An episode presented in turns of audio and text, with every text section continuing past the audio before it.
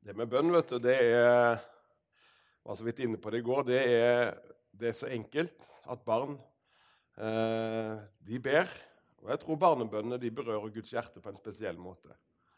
Ikke bare fordi at det er barn, men fordi at de er så oppriktige og enkle i sin form. Det, det, er, ikke, det er, ikke, så mye intellektuelt surr. Det er veldig enkelt. liksom. Det er en veldig sånn tillit til, til pappa, til Gud. Og eh, jeg husker enda, Vi har jo hatt mange opplevelser med i forhold til barna våre. Da, men en av de var, han ene gutten hadde veldig høy feber. Han var skikkelig dårlig. Jeg eh, hadde flere og 40 var ikke var sånn på kanten. Vi er jo begge sykepleiere, både meg og kona mi, så det, det, er egentlig det verste å være syk i en sånn familie. Men begge sykepleiere, for det går, da skjønner vi at det, eh, her, eh, det er ikke før det er helt krise at vi går og tar det skritt videre. Da. Men i hvert fall så hadde han vært skikkelig dårlig. Vi tenkte, tenkte skulle prøve å få i ham Paracet. Han ville ikke ha Paracet. Han ville ikke noen ting. Og Så sier jeg til han, han var bare tre-fire år, vi bodde i Hammerfest, da, og så sier jeg til han, ja, da får vi be til Gud. Ja, det virker, sa og det var bare sånn kontant. Ja, det virker. Det var greit. Det kan vi gjøre. Og, eh, og litt sånn som det når Jesus holder fram eh, når de kommer vet du, og hindrer barna fra å komme til Jesus. ikke sant? Jeg synes det er en nydelig historie. Og så sier Han blir harm, han blir sint. Og så sier han 'hindre dem ikke'. For Guds rike hører slike til. Og så sier han at de må bli som et lite barn. Han eh, tar barnet og løfter fram i en særstilling. Så det er nydelig. Og Det er noe med dette, det enkle. Allikevel så er bønnen et, et, et, akkurat som et eh, Vi hadde jo bønnekonferanse nå, og da det, kom det en reporter og ble helt sjokkert. Vi hadde jo oppi 400-500 mennesker på kveldsmøtet, eller 450 stoler hadde vi, så det satt folk i gangen i tillegg så da, på kveldene. Så da hun var helt sjokk at det gikk an å samle så mye folk til bønn. Nå var det jo kveldsmøter, da, det jo, men var, vi hadde jo allikevel mye bønn i de møtene. Og, hun eh, spurte men hva, hvorfor er bønn så viktig. Og Da kom det en, en, en sitat fra en eh, av disse gamle bønnekjempene tilbake igjen. Jeg er jo litt usikker på hvem som sa det, men han sa det. Bønn er like viktig for vårt åndelige liv som eh, pusten er for vår fysiske kropp. Og Hvis bønn blir like viktig for oss som å puste, da er det viktig. Eh, det er, det er Guds åndedrett inn i vårt liv, at vi får til å leve i fellesskap med Gud. Og bønn er fellesskap. Bønn er samfunn med Gud. og Det betyr ikke at vi bare prater med ham. Det betyr at vi er sammen med ham, bevisst på hans nærvær. Det å vente på Gud er jo en aktiv tilstand der vi søker Han uten å nødvendigvis si så mye, men vi, men vi, er og vi søker, og vi er bevisst hans nærvær. Det er bønn i høyeste grad. Men så er også bønn takksigelse, det vi var inne på i går. Det å være takknemlig, begynne å takke Gud. Paulus sier ofte 'jeg takker Gud for dere', så ofte som jeg minnes dere mine bønner. Det sier han flere plasser til de ulike menighetene. Altså Takknemlighet var en, en del av Paulus sitt bønneliv, en viktig del. Jeg takker min Gud for dere. Jeg takker Gud så ofte som jeg kommer på dere og minnes dere. Og Det å begynne å innarbeide takknemlighet som en del av vårt bønneliv, det er nydelig. Takknemlige mennesker er veldig godt å være sammen med. Utakknemlige mennesker er litt mer krevende å være sammen med. For, det, for det, da blir det litt slitsomt på sikt.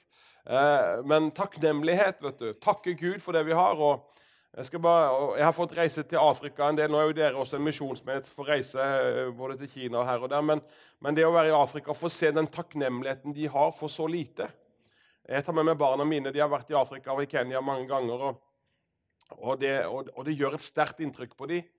Bare det å få gi et par brukte fotballsko til en gutt der nede, det, det, det, det, er som å vinne i Lotto. Det er, er en sånn takknemlighet å spore i i de folkene. Og det gjør noe med oss. At vi, er blitt så, vi, er blitt vi lever i et bortskjemt hjørne av verden. Det er sannheten. Eh, men bønn vet du, det er takknemlighet og bønn henger sammen. Men så er også bønn dette med forbønnsbiten. Eh, der vi virkelig går inn og arbeider i våre bønner, der vi samarbeider med Herren. og Det er en viktig tjeneste som vi har i vårt lønnkammer, men som er også som Gud har kalt til som menighet. Der vi virkelig kan gå inn i forbønn for eh, de som er i ledende stillinger, de som har eh, posisjoner og som utfører viktige oppgaver i samfunnet. Vi er kalt til å be for dem, ikke kritisere dem. Visst kan vi ha meninger, vi, men det hjelper så lite å skjelle dem ut. Verken på Facebook eller andre plasser. Det, det har liten effekt. Men det som har en effekt, det er å be. Det er å be, det er å søke Gud for disse og be for dem og be om at Gud skal få sende mennesker i deres vei, at Gud skal få gripe deres tanke. Ja, det er liv. Hvis ikke det er Jesus Og en som sa hvis ikke det er Jesus, så må du legge på. Men eh, det går helt fint. Greia er den at, eh, at eh, bønn er et enormt område. Og, og, dette med åndelig krigføring, dette med å fremstille seg selv det og, og, det er så mange områder i dette med bønn. Jeg har snakket, begynt i går på dette som har med de apostoliske bønnene å gjøre. De bønnene som vi ser i den første menigheten, og som Paulus i Paulus sine brever.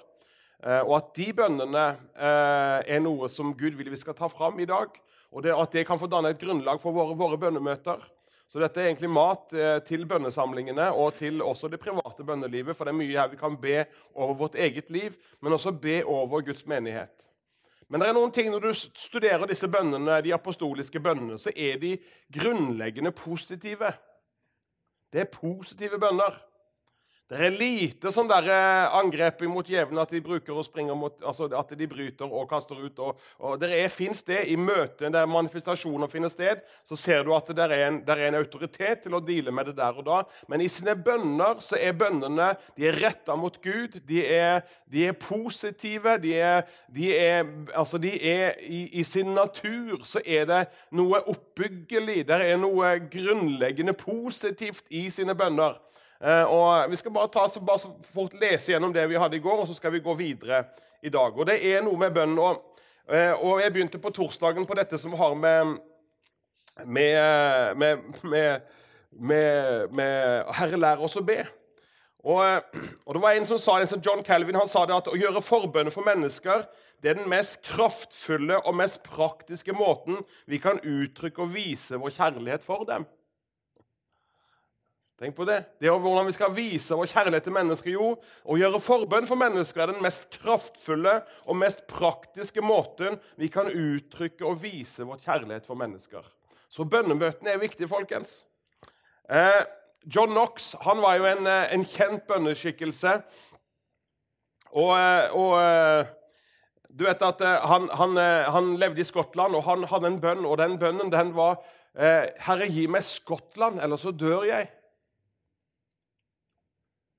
Tenk om eh, Gud reiser opp noen i Norge som sier 'Herre, gi meg Norge', eller så forgår jeg, eller så dør jeg. I en fase, en krigsfase i Skottland, de var, lå i strid med England, så, så sier, eh, så sier dronninga i England, eh, dronning Mary, 'Jeg frykter John Knox sine bønner mer enn alle Skottlands hærer'. Herre, lær oss å be. Tenk oss å komme en sånn uttalelse. Den mannen ble så kjent inn, inn i, i, eh, langt helt opp til dronningsetet. Og at hun sa 'Jeg frykter John Knox sine bønner mer enn alle Skottlands hærer'.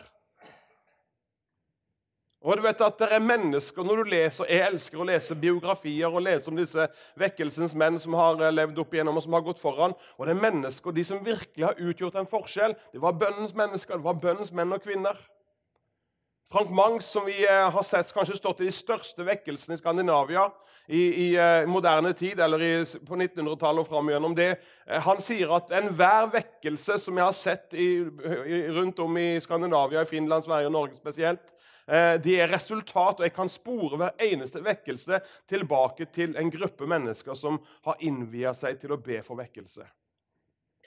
Og Så sier han også at det var kanskje én plass som jeg ikke klarte å spore disse menneskene opp. Men jeg, jeg vet de var der, sa han. Jeg vet at de finnes. Og, eh, og, og, det var en mann som virkelig som hadde forstått og, og, verdsatte bønnens kraft og bønnens virkning.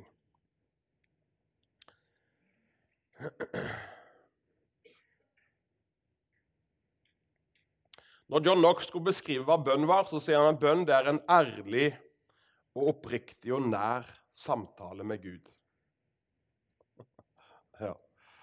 En nær, en oppriktig og en ærlig samtale med Gud. Men vi trenger ikke gjøre oss til.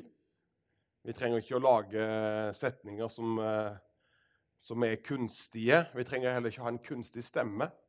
Vi kan prate med Gud som vi prater med vår neste og vår nærmeste. Det er klart, det er ikke noe feil når vi kommer sammen, så har, så har vi har våre dialekter. Skal, ja, der, å, ja, det er en bedus. Og der, å, det er en pinsevenn. Og ja, der har du en trosvenn. Og ja, du hører på dialekten. Oi, der har du en trønder. Og ja, der har du en jærbu. Og der har du en finnmarking. Og ja, Der har du en bedusmann, og der har du en kirke, der har du en, en pinsevenn, der har du en Maranata-venn, der har du en uh, evangeliesentergutt. Det er dialektene av det. Så det er, det, det er ikke farlig, det. Men det er hjertet som er avgjørende. At ikke vi bare sitter igjen med dialekten, men at vi sitter igjen at det er hjertet vårt. Så hvordan vi skal uttrykke oss at det kommer fra hjertet.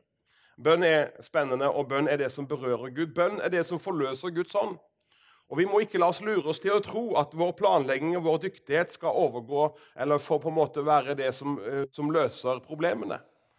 Det er bønn som vil være med å berøre Guds hjerte og gi oss de rette, rette, den rette veiledningen. Når vi snakker om åndens og ordets og bønnens ledelse, og, og, og dette her, så skjønner vi at det henger sammen. Vi kan ikke ha et kraftig bønneliv uten at vi også lever i Guds ord. Vi kan heller ikke bli ledet av Ånden, være fylt av Ånden uten bønn og uten Guds ord. Det henger sammen.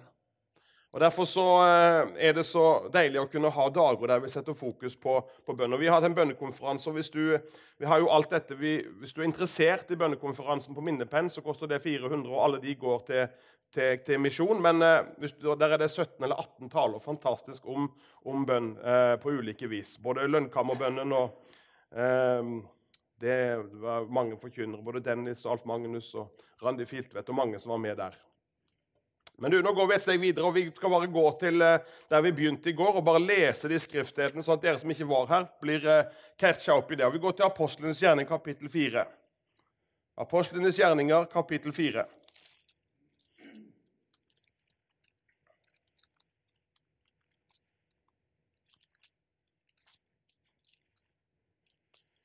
Og Dette er den første menigheten som, eh, som, eh, etter at Peter og Johannes var sluppet ut av fengsel, så deres respons var at de begynte å prise Gud.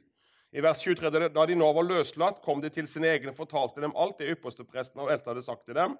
Da de hørte dette, løftet de samstemmig sin røst til Gud. De løftet samstemmig sin røst til Gud eh, og sa, 'Herre, du som har gjort himmelen og jorden og havet og alt som er i dem.' Og Så går vi vers til vers 29. Og nå, Herre, Hold øye med deres trusler, og gi din tjener å tale ditt ord med all frimodighet. Dette er en bønn vi trenger å be i dag, i 2019. Gi dine tjenere å tale ordet med all frimodighet. Halleluja. Be for, Når vi ber i våre bønnemøter, be for de som forkynner. Be for hver en som stiller seg fram og taler til barna, til ungdommene, i de ulike kirker og bedehus rundt i Drammen. Be for de som stiller seg fram, at de må få tale Guds ord med all frimodighet. Amen. Og Så sier han videre idet du rekker ut din hånd, så helbredelse, tegn og under skjer ved din hellige tjener Jesu navn. Disse ba om at Gud skulle manifestere sin kraft på en sånn måte at tegn, under og mirakler skjedde. Dette trenger vi å be oss om i dag. Vi trenger å be om at igjen Gud rekker ut sin hånd til tegn, under og mirakler. Sånn at eh, mennesker får møte Jesus, får møte hans frelse, men også møte, kjenne den kraften som, som, forløser mennesker og setter mennesker fri fra sykdom og plager. Dette bar de om i den første menighet. Dette trenger vi å be om og for den norske menighet også. I 2019. Og så står det så flott Og da de hadde bedt. Ikke da de hadde sunget, eller da de hadde lest, eller da de hadde prekt, eller da de hadde spist, eller, men da de hadde bedt.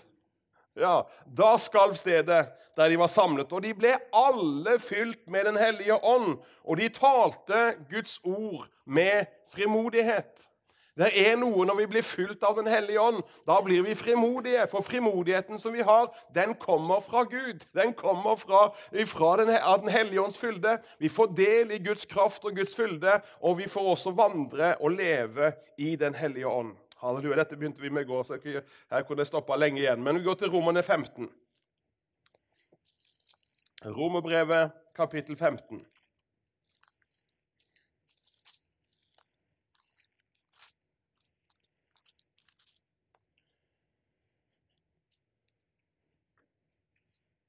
Og Her står det fra vers 1.: Vi som er sterke, vi skylder å bære skrøpeligheten hos dem som er svake, og ikke være oss selv til behag.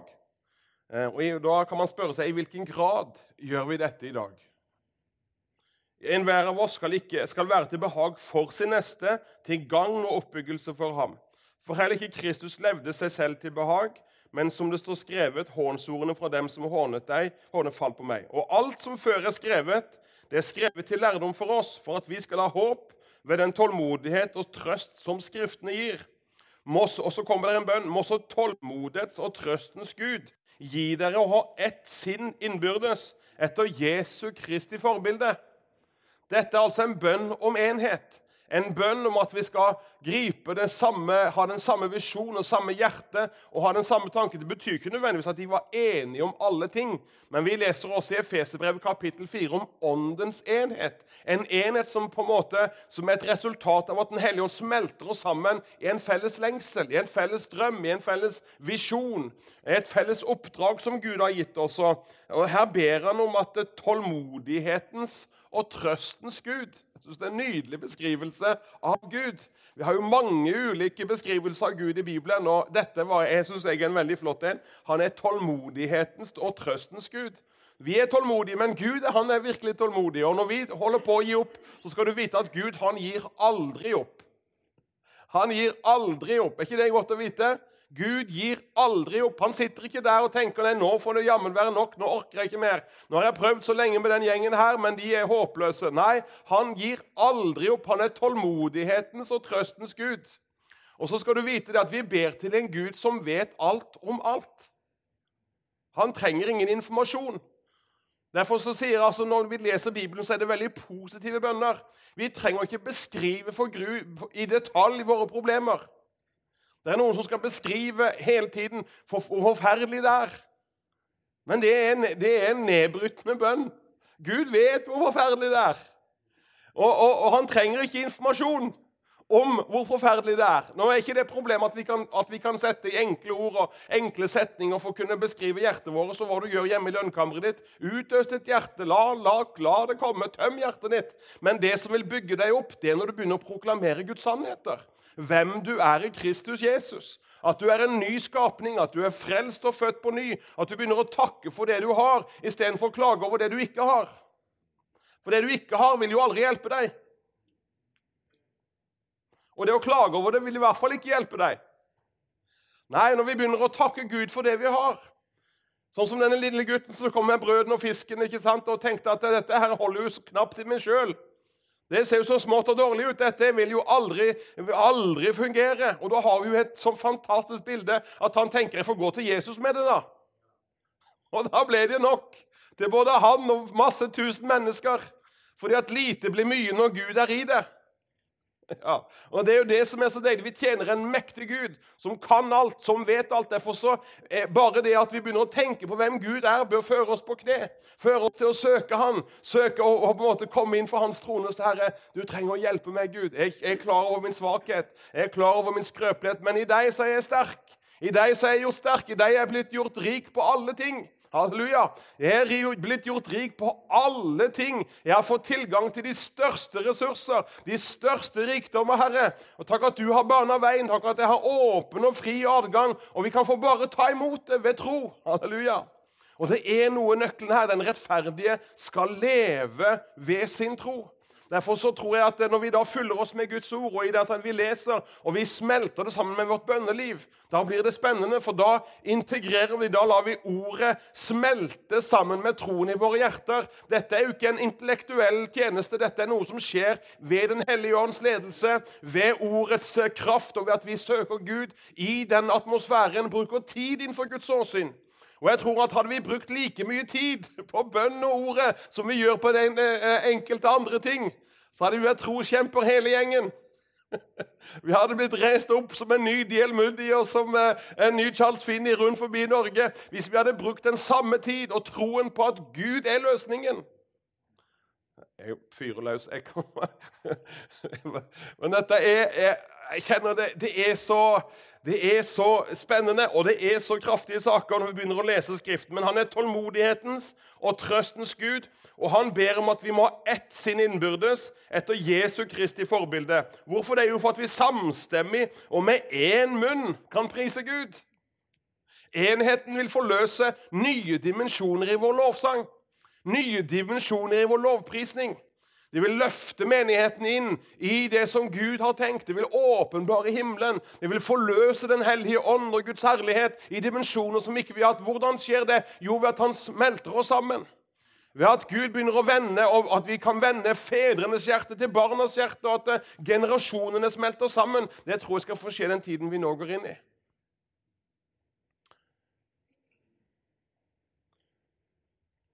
Og Så står det i vers 13 i samme kapittelet må så håpets Gud fylle dere med all glede og fred i troen. Er ikke det en herlig bønn?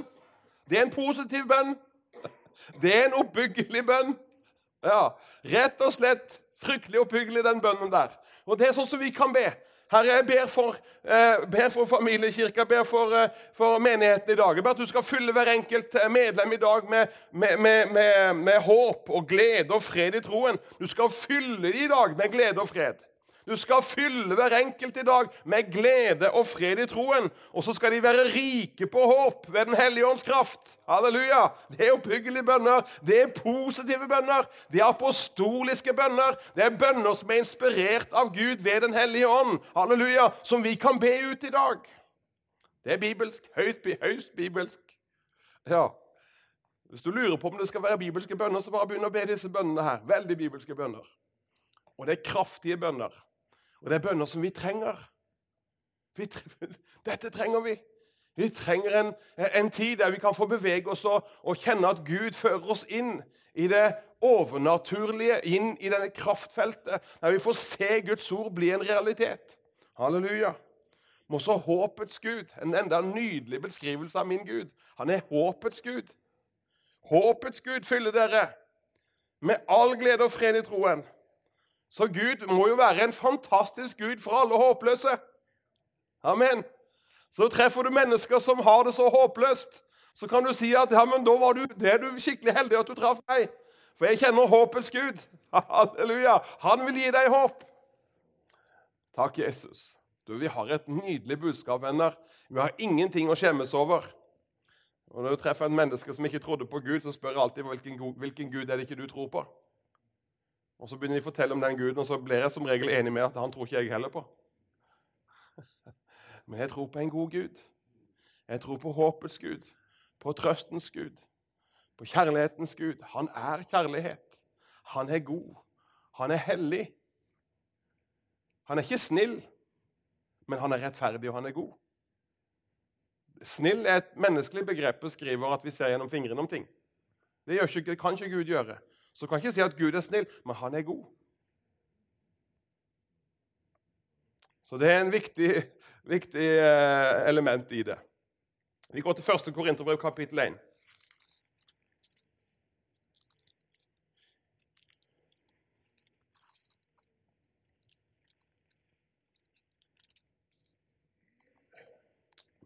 Og Her ser vi fra vers 4, og der sier han igjen.: Jeg takker alltid min Gud for dere så det er jo veldig bra når vi ber, og det er å kunne takke Gud. Jeg takker min Gud for dere. Min Gud. Jeg takker min Gud. Han er min Gud. Han er min pappa. Han er min far. Og jeg takker Gud for dere for den nåde, Guds nåde som er gitt dere i Kristus Jesus. For i ham er dere blitt rike på alt, på all tale og på all kunnskap. Tenk å takke Gud for det, da. At du har gjort oss rike på alle ting. På all tale og på all kunnskap. Fordi Kristi vitnesbyrd er blitt grunnfestet i dere, slik at dere ikke mangler noen nådegave mens dere venter på Herre Jesu Kristi åpenbarelse. Han skal også styrke dere inntil enden kommer, så dere må være ulastelige på Herre Jesu Kristi dag. Og Gud er trofast, han som kalte dere til samfunn med sin sønn, Jesus Kristus, vår Herre. Og der har vi vårt høyeste kall, uansett hva du er kalt til. Det er samfunnet med Jesus Kristus. Bønn er samfunn. Samfunnet med Jesus. Hvis vi vokser ut av det, da vokser vi feil. Ja. Men eh, takknemligheten er det som skal være med å være en, en grunntone en dominerende grunntone i vårt bønneliv. Når du har et orkester, så er det noen instrumenter som er mer, eh, holdt jeg på å si, mer toneangivende i, i lydbildet. Og i det lydbildet som bønnelivet vårt er, så kanskje du føler at her er det bare en liten pling innimellom ny og ne. Men, eh, men, eh, vi skal la det få bli, et orkester. Og grunntonen, grunn, det bærende instrumentet i vårt bønneliv må være takknemlighet. Takke Gud. Halleluja. Det vil bevare vårt hjerte. Det vil være med å bevare vår, våre innstillinger og holdninger. Det vil åpne døra sånn at troens ånd og Gutten hellige ånd kan fylle oss. Og Så går vi videre til Feserbrevet kapittel 1.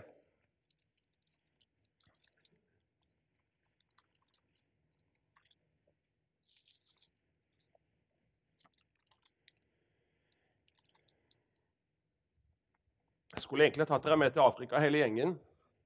Jeg bruker å ta med meg en god gruppe fra menigheten her. For det er Du kan undervise om bønn, og du kan lese bøker om bønn.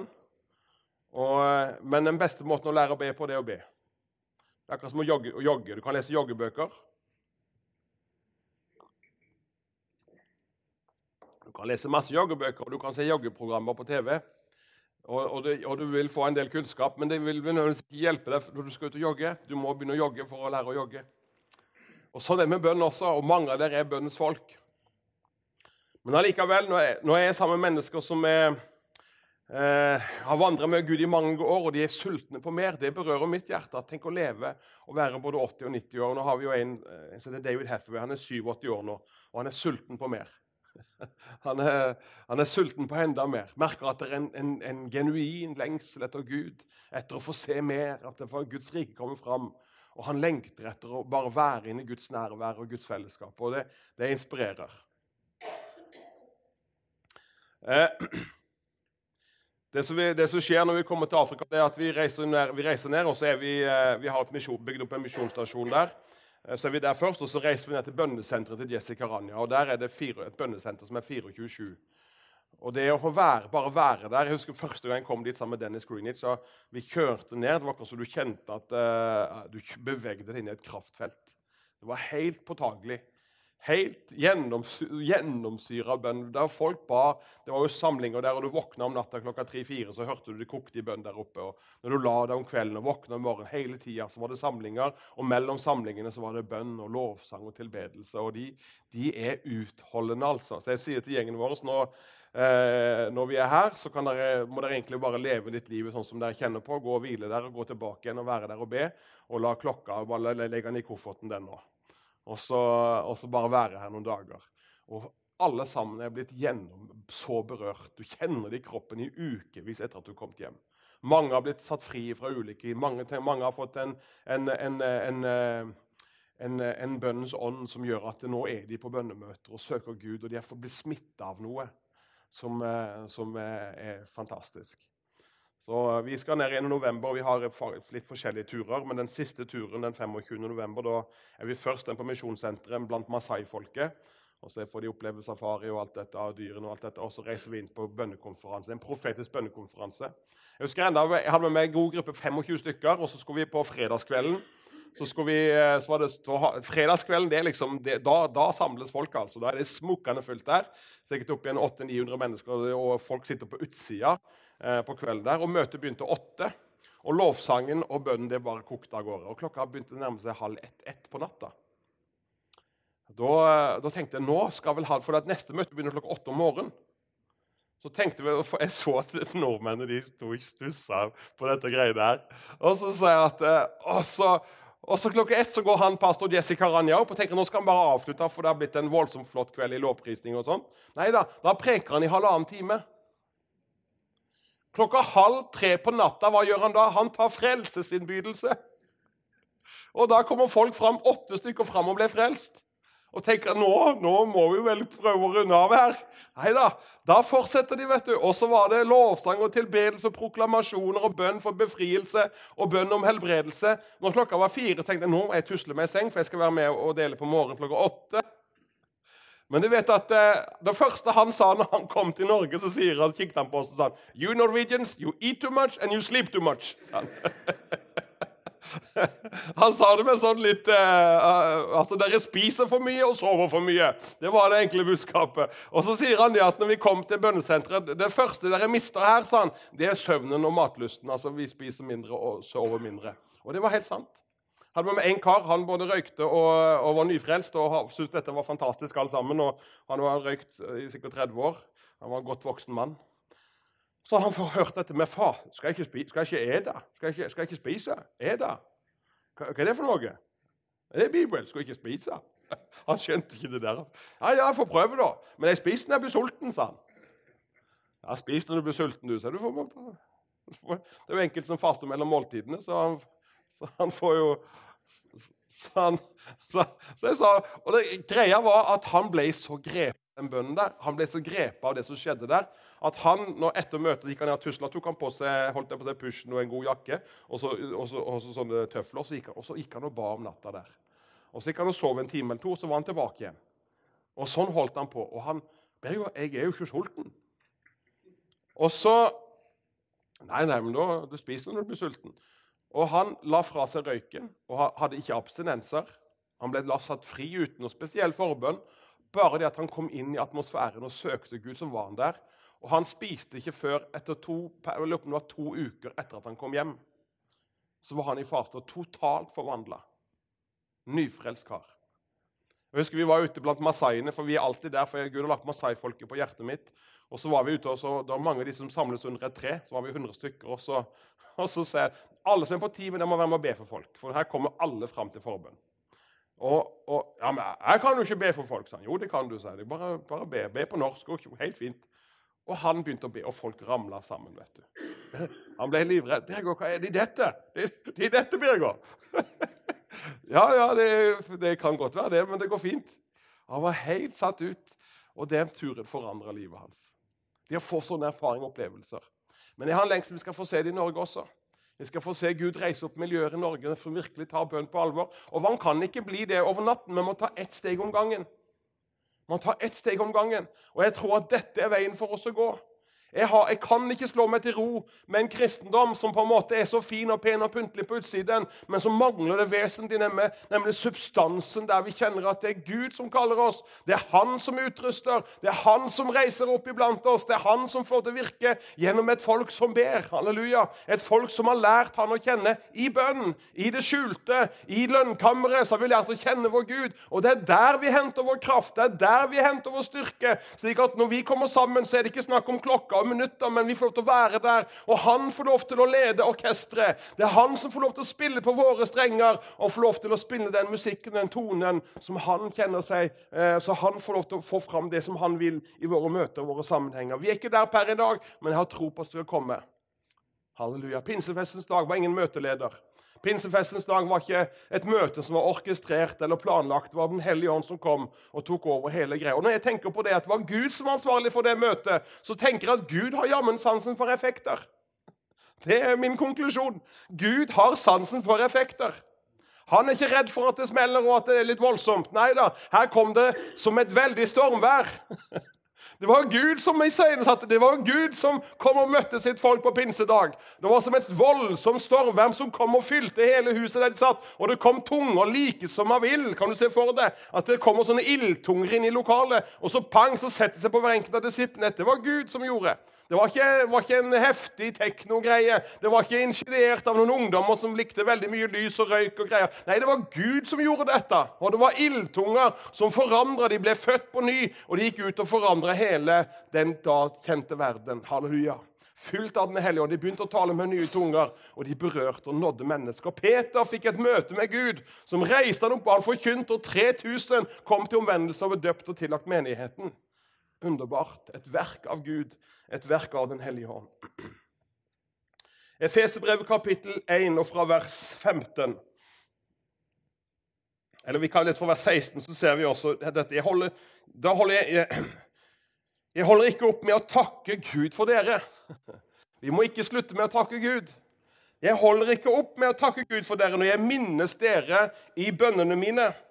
Jeg ber om at vår Herre Jesu Kristi Gud, Herlighetens Far, må gi dere visdom og åpenbaringsånd, Dette er en bønn vi trenger å be i 2019. Vi trenger å be det over eget liv, og vi trenger å be det for våre forkynnere og ledere, og vi trenger å be det for alle som tilhører Guds forsamling. At de skal fylles med nåde, med, med visdom, at Han må gi oss visdom og åpenbaringsånd. Halleluja. Tenk å lese Bibelen under en sterk innflytelse av visdom og åpenbaring. Ja, det er, det er, jo så nydelig. Når du da leser Bibelen, og det er jo så herlig med nyfrelste når de blir døpt og fulgt av Den hellige ånd, og når de da begynner å lese Bibelen, så kan de bare ikke få nok. De tenker wow, det er så ordene blir levende, og det hopper inn, og de åpner seg opp, og de begynner å forstå ting de aldri har skjønt før visdom og åpenbaringsånd. Vi trenger igjen at vi skal få en sult etter ordet, en sult etter åpenbaring, en sult etter å lære å kjenne Gud i våre hjerter. At han skal få åpenbare sin godhet og storhet iblant oss igjen og igjen. Det er herlig å høre om hva Gud gjorde på 30-tallet. Det er nydelig å minnes hva Gud gjorde på 70-tallet. Men jeg vil gjerne høre om hva Gud gjorde i går. Jeg vil gjerne høre om hva Gud viste deg i går hva han åpenbarte for deg i bønnen i går eller i morges. Noe friskt, noe varmt, noe fra himmelen som har forandra og berørt hjertene våre. Halleluja. Så takker vi Gud for alt som ligger bak oss. Men jeg var på et møte en gang, og det var veldig spesielt. For de snakket om hva som skjedde på 30-tallet, 40-tallet og 50-tallet under krigen. Og, og, det er jo herlig, det. Men han har gjort så mye siden. Det ble bare litt for meget for unge Wroldsen, da. For det var for mange, det var for mye som gikk tilbake før jeg var født. Og jeg tenkte, Har Gud vært død på, i 50, siste 50 åra? Nei, han har ikke vært død. Han gjør ting hele tiden. Han arbeider med sitt folk hele tiden. Og misforstå meg rett, vi skal takke Gud, og vi skal gjerne høre historiene om miraklene på 50-tallet. Ja, kom med de, men la det ikke bare være det. La det være noe som lever og pulserer i dag. Og den eneste veien for at vi kan få leve et pulserende liv med Gud i dag, det er å leve i bønn finnes ingen vei utenom. Det finnes ikke noen alternativer. Det finnes ikke noen substitutter som kan erstatte bønnens vei og bønnens prinsipper og bønnens kraft i våre liv. Visdom, åpenbaringsånd. Og Jeg var inne på dette her, og det har sitte og lytte til og lese mennesker som har vært inspirert av Den hellige ånd. Jeg kan lytte til mange gode prekener i dag som berører meg i hodet mitt og i sjelen min. Og det, det er flott. Eh, det er ikke, og det er gjerne bibelvers, og det er flott, men det er Men det er og det, og det er, det, jeg, skal ikke, jeg, skal ikke, si at ikke det er fra Gud. Det er fra Gud mye, veldig mye, veldig mye bra. Men det, men det er en men, hvis, men jeg savner en, en, en, en, en en dyptgående, frigjørende Kristusforkynnelse, åndsåpenbart forkynnelse som setter fri. Det står, det står om, om, Peter da han forkynte ordet, så falt Den hellige ånd på de som hørte. På alle som hørte ordet.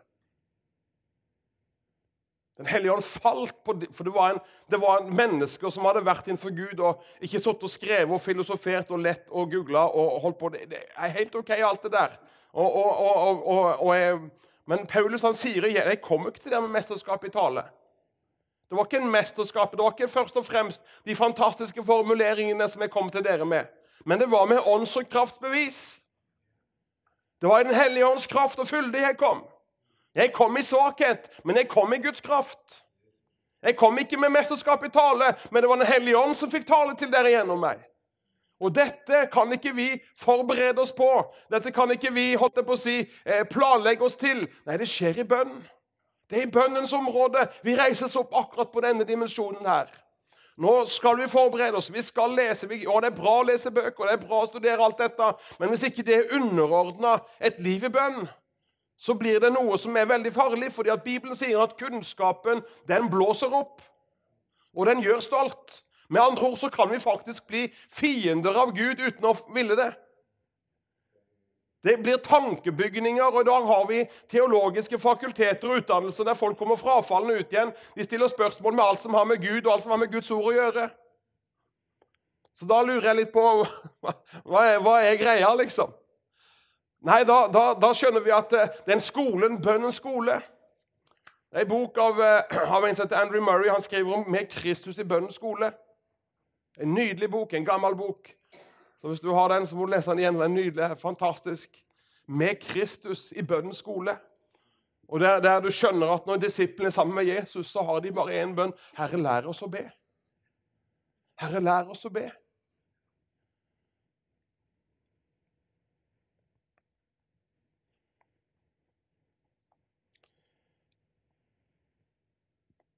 Og så må han gi deres hjerter opplyste øyne.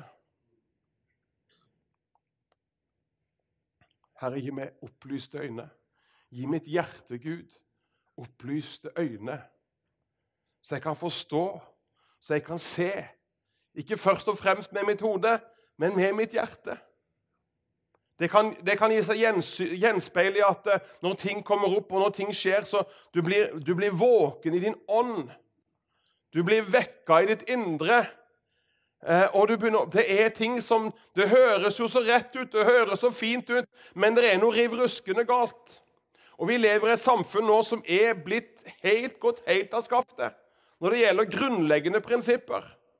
Når en lege og, og, og helsepersonal som skal kjempe for livet, har begynt å ta liv, og med loven i hånd, og når folk blir rasende i dag fordi at noen begynner å stille spørsmålstegn Det kan da ikke være rett å stikke sprøyta i hjertet på en liten ufødt barn? Det kan da ikke være rett. Da blir de rasende. Hva er dette for noe?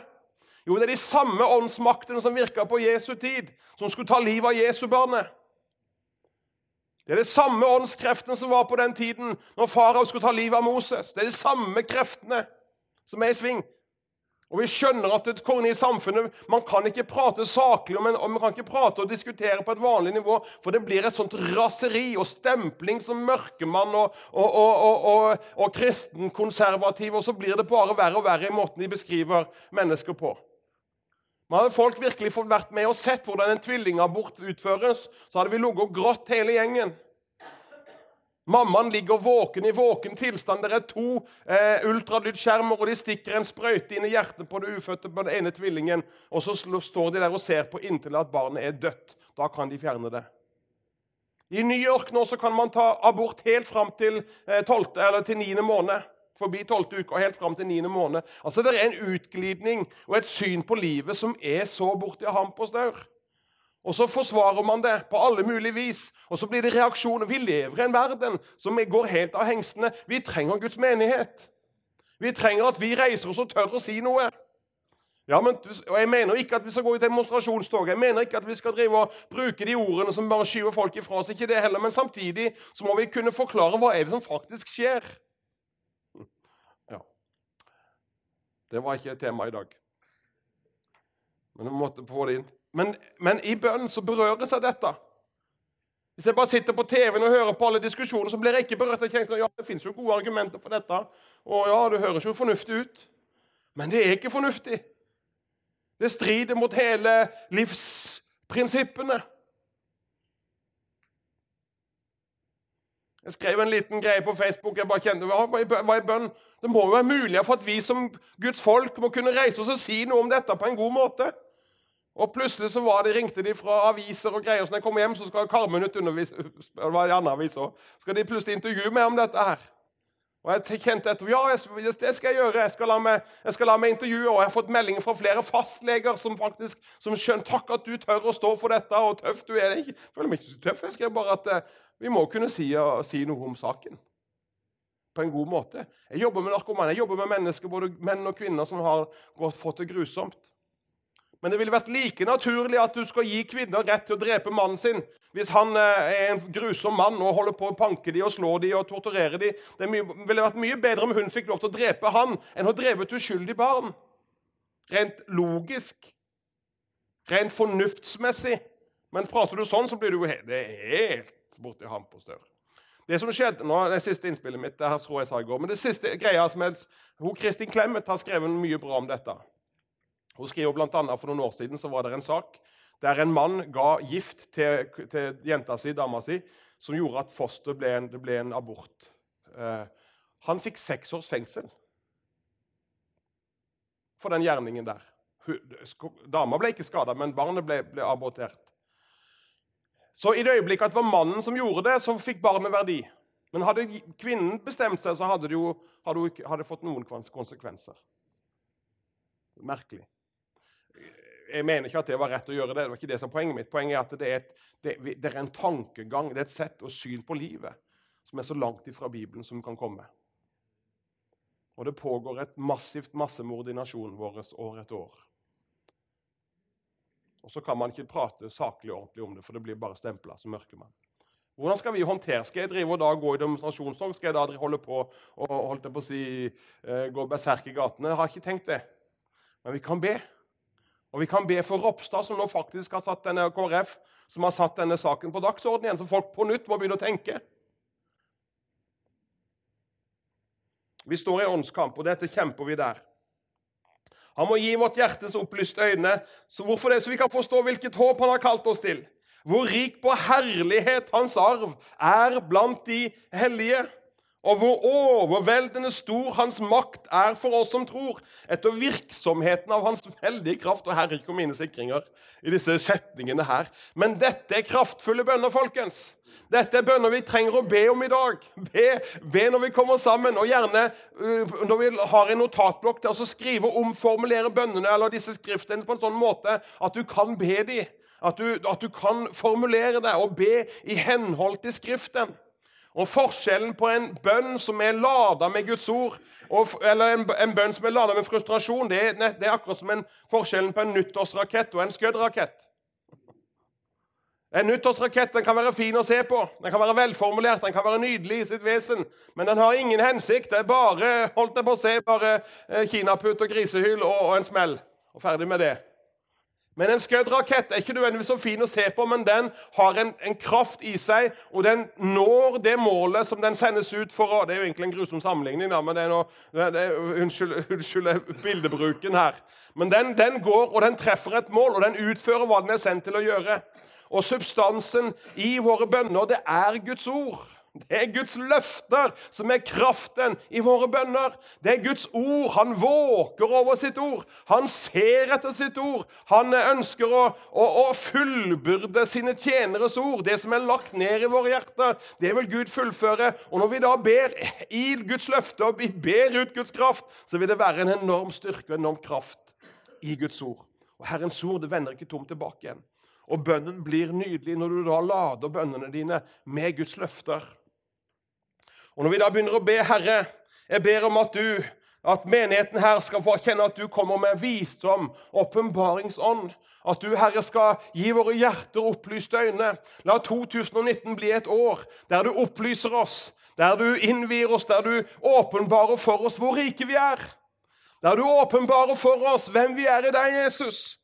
Der vi kan forstå hvilket håp du har kalt oss til. At selv om det raser rundt oss, vi har et herlig håp i deg, Gud. Halleluja. Og så skal du, Herre, du skal opplyse vårt hjerte, og hvor rik på herlighet din arv er blant oss. Hvor overveldende, Herre, du må opplyse oss, gi vårt hjerte opplyste øyne, så vi kan se hvor overveldende stor din makt er for oss som tror. Når vi da kommer sammen og tenker at ja, men jeg kan jo ikke be for han, eller her, må, her, må, det noen større bønnefolk til, eller en, en, en større gudsmann Nei, Vet du hva? Gud har kalt oss alle sammen. Han gjør ikke forskjell på oss. Nei da, når vi ber i tro på Gud, i tro på Guds løfter, halleluja, så skal du vite at du har tilgang til den samme kraften. Tilgang til de samme løftene, til den samme Gud. Halleluja. Og han lønner dem som søker ham. Jeg må si som Kjell det var da voldsomt til begeistring. Og Kjell han har noen uttrykk innimellom som gjør fine. Det er noe med De har disse reklamene. vet du, En lottomillionær er ikke som andre millionærer. Har sett deg? ja, De oppfører seg veldig rart når de forstår at de er blitt millionærer. Når vi forstår hvem, hvem vi er i Kristus, når vi begynner å forstå hvem vi er i Gud, da går vi med litt høyt løfta hode. Ikke fordi, at, eh, ikke fordi at vi er stolte i oss sjøl, men fordi at vi forstår hvem vi er i Gud. Tror du det? Det, det er så nydelig. Nå har Jeg fått, eh, jeg jobber med rusmisbrukere, og det å få se den forskjellen Jesus gjør i mennesker, den blir så påtagelig for de menneskene som virkelig har levd i rennesteinen. den blir så, den, det blir så kontrastfullt. I forhold til mennesker som har vokst opp holdt jeg på si, med sølvskje i munnen og har hatt det fint og alt på en måte alt en trenger til enhver tid. Men vi er like mye avhengig av Gud. Vi er like mye avhengig av å, å lære å kjenne Gud gjennom bønn. Men å få se den forskjellen fra et menneske som løftes opp av rennesteinen, og fra et liv i rus og elendighet og Jeg hadde en kar nå som kom inn på senteret det er ikke så lenge siden. Og han, eh, han, eh, han, han, hadde vært på evangeliesenter for mange år siden og fikk høre at jeg var pastor. så ble Han helt, han, ble, han dilte etter meg hele tida. Og Vi spilte sjakk, og han var så kaldt. og Jeg tenkte jeg må, jeg må bare la han få gå litt og prate med han. Og, og spilte sjakk med han. Og, og så sa jeg vet du, det som er fint med sjakk, at du må hele tiden ha synet på kongen. Og så, så spilte vi der og, og passet på kongen. Det er viktig å ha fokus om å ikke miste kongen av syne. For eh, faller kongen, da faller du. Mister du kongen, så, forsvinner du òg. Og vi fikk prate litt, og han skjønte mer og mer hva jeg snakka om. vet du. Og så, og så Ja. Og så kom, og så ble, skulle jeg være på møte, kom han på møte på søndagen der, og så kom han. Og så begynte jeg å ta, snakke om sjakk. Om, eh, om eh, viktigheten av å gjøre de rette trekkene. Hvert trekk er viktig. Aldri overse en bonde. Vi har en del bønder i menigheten, så jeg måtte bare si det. De kan virke uviktige, men de, de er avgjørende i sluttspillet. Én bonde kan utgjøre, avgjøre hele spillet. Så, eh, men det er kongen som er det viktige. Og så eh, forkynte videre om Kristus, og så har han frelst, Han er den første som rekker opp hånda kommer fram, og så går det en kar og ber for ham. Og så går jeg og ber og han, han, står bare, tårene triller, og så beskriver han Han er fra Sandnes, Stavanger-området. Du, Birger, sa han. Jeg, kjenner, jeg kjente en kraft som gikk helt ifra hodet. Det er vanskelig å forklare, men det gikk på innsida av kroppen. Og inni og helt ned til føttene. Og så Angsten ble kjemisk rensa ut av kroppen. Han, han var så full av angst etter en lang tid av rus. Og Han fikk kjenne på, han beskrev det på en sånn så artig måte. Han beskrev det på, han beskrev han kjente en kraft, en varme, som begynte på toppen og bevegde seg inni kroppen og gjennom hele kroppen. Og rensa han ifra, ifra, angst og disse vonde tingene som han har vært en bærer av. Han gikk hele tida med en klump i magen som han hele tiden måtte døyve med rus og forskjellige ting. Så kom Jesus der og rørte med han. For meg så er det verdt alt, alt jeg har gjort bare for, for, bare for å erfare et menneske som får møte Jesus på den måten. Noen, Han fikk det på den, andre får det på andre måter, men det er, det er stort, og det er virkelig. Det er reelle saker vi snakker om. Og det at når vi kommer sammen og begynner å be, så blir vi mer effektive. Det er at, det er ikke fordi at eh, Gud ikke er mektig. Han er jo allmektig. Men allikevel så ligger det noen åndelige prinsipper når, når vi smelter sammen i ett hjerte og én sjel, når vi forstår viktigheten av å komme sammen Når vi skal begynne å snakke om apostolisk menighetsliv, så står det at de kom sammen hver dag. Men i dag i Norge så kommer vi sammen en gang i uka eller hver 14. dag. Eller hvis det skjer noe, en 60-årsdag eller en bursdag, så kommer vi jo ikke på møte. Og, og, så går det kanskje både to og tre uker før man kommer. Og så lurer man på hvorfor ikke det skjer mer. Da sier jeg god jul og godt nyttår. Man har jo ikke tid til å være kristen. Men man har Gud med som en sånn allikevel. Han er jo der i, i, kofferten. Han er jo liksom bak der, og vi ber aftenbønner med barna våre. Så, og så lurer vi på hvorfor barna ikke begynner å vil gå på møter. Jeg mener, Det er, det er, noen, det er, noe, det er, noen, det er noen huller i våre resonnementer her på et eller annet sted. Ja, Det var ikke så byggelig, akkurat det, men det var veldig sant, tror jeg. ja. Men du Tenk at når vi kommer der og kommer, vi har fått erfare Guds kraft Tenk hvor overveldende stor hans makt er for oss. Hvor overveldende. Og det skal jeg skal bare si, Vi la hendene på den mannen, og hvor det er brukt mange eksempler. Og Jeg nevnte på Trond, som har vært 45 år på kjøret. Når han ble frelst, vi be for han, og Der gikk Guds kraft gjennom han, og han har ikke rørt en tablett. ikke rørt noe. Han har ikke hatt abstinenser siden den dagen. Løst ifra stoffmisbruk, løst ifra røyken, løst ifra alt. Der og da. et øyeblikk. Ikke alle blir det. Noen må gå noen runder, og noen må uh, holde på seg over tid. Men der så ble han løst, og her ble han karen løst. Og, og jeg kjente meg ikke spesielt salvet. Jeg kjente ikke meg spesielt at nå var Den hellige ånd over meg. Men jeg kjente i det øyeblikket at jeg ba for han der så slo Guds kraft til. Jeg kjente at det, for dette var en tørr tro på Guds løfter. Jeg bruker tørr tro, for det er ingen tørr tro vi har. Den troen vi har, den kommer av Guds ord, og den er full av kraft. Og den virker uavhengig av våre følelser. Halleluja. Ja, Den virker uavhengig. Hvis det er ikke sånn at troen vår og kraften den funker fordi vi føler det sterkt, eller kjenner det sterkt eller har gåsehud, det har ingenting med det å gjøre. Nei, men det har å gjøre med at vi har vært innenfor Gud i bønn.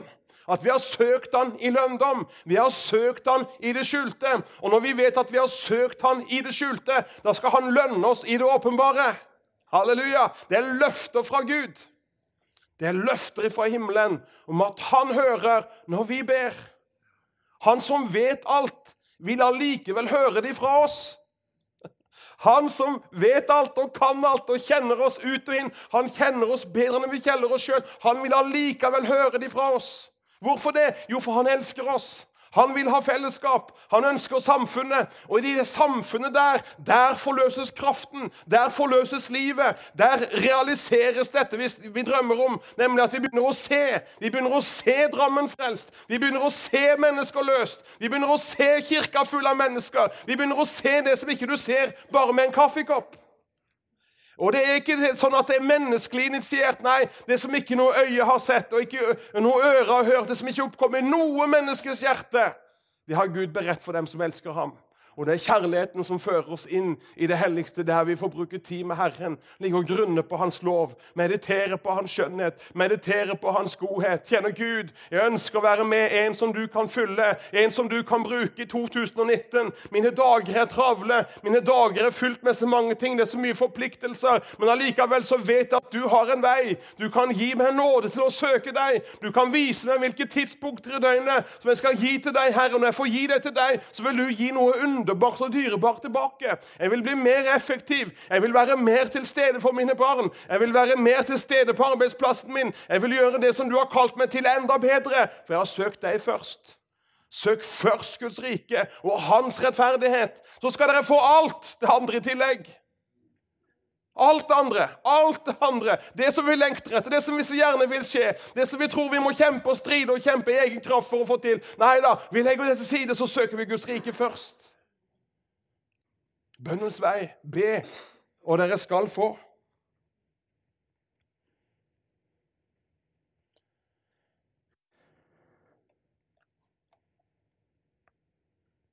Har jeg holdt på en time nå? Ja. Jeg har god tid. Tida går fort i godt selskap, altså. Halleluja.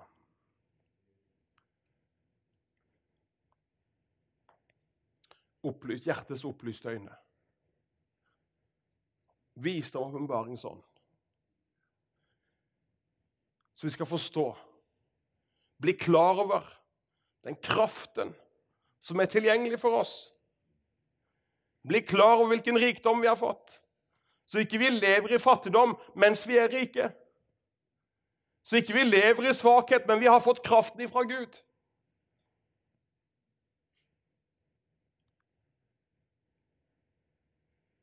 Det er merkelig. vet du, Jeg liker å se litt på fotball innimellom. Og, og det er noe når, når, når, når, eh, når Liverpool har vunnet, da, så får jeg av til melding dere, dere, dere, var veldig flinke i dag, fikk jeg melding fra en kar. Så tenkte dere jeg, var, jeg satt jo bare og så på. Det er jo de gutta som har spilt Tampen, som virkelig er flinke. Så jeg dere var bra i dag.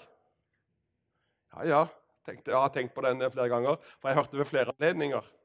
At vi omtaler at, at jeg liksom er en del av laget. Men det er jo det som er sannheten i Guds rike. Vi er plassert i en herlig seier. Vi er gjort til mer enn seier, seierherrer pga. Jesus.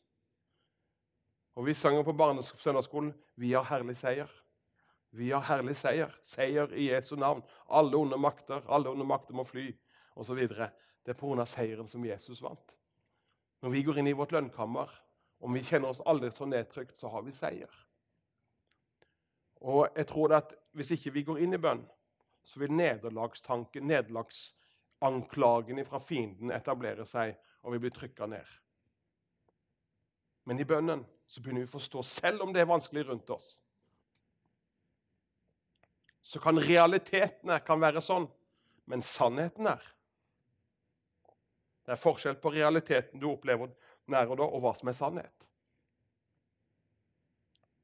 Derfor i bønnen så, så, er det ikke realiteten eller omstendighetene eller de som, det som skjer rundt deg, som er det dominerende, men vi proklamerer sannhetene. Og sannheten frigjør. Sannheten setter fri. Sannheten bryter igjennom. Halleluja. Sannheten vil være med på å bryte og føre vei. Så omstendigheter og realiteten som du opplever i dag, må bøye kne. Halleluja. Skal vi reise oss opp og skal vi be sammen? Nå er det sånn at eh, dette med takknemlighet.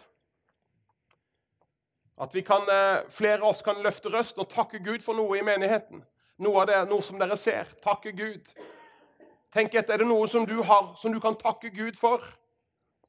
Er det noe som eh, For det ligger, det var, Dette er jo et, et, kjent problem også i Bibelen, der Jesus helbreda ti, ti spedalske. Det var én som kom tilbake for å takke. Så, så, dette er noe dette ser jeg for meg, det er litt sånn prakt, det er jo bønnedager nå, så kan vi praktisere litt. At det er mer enn én som takker Gud, men at vi er flere som kan takke om det er bare en setning.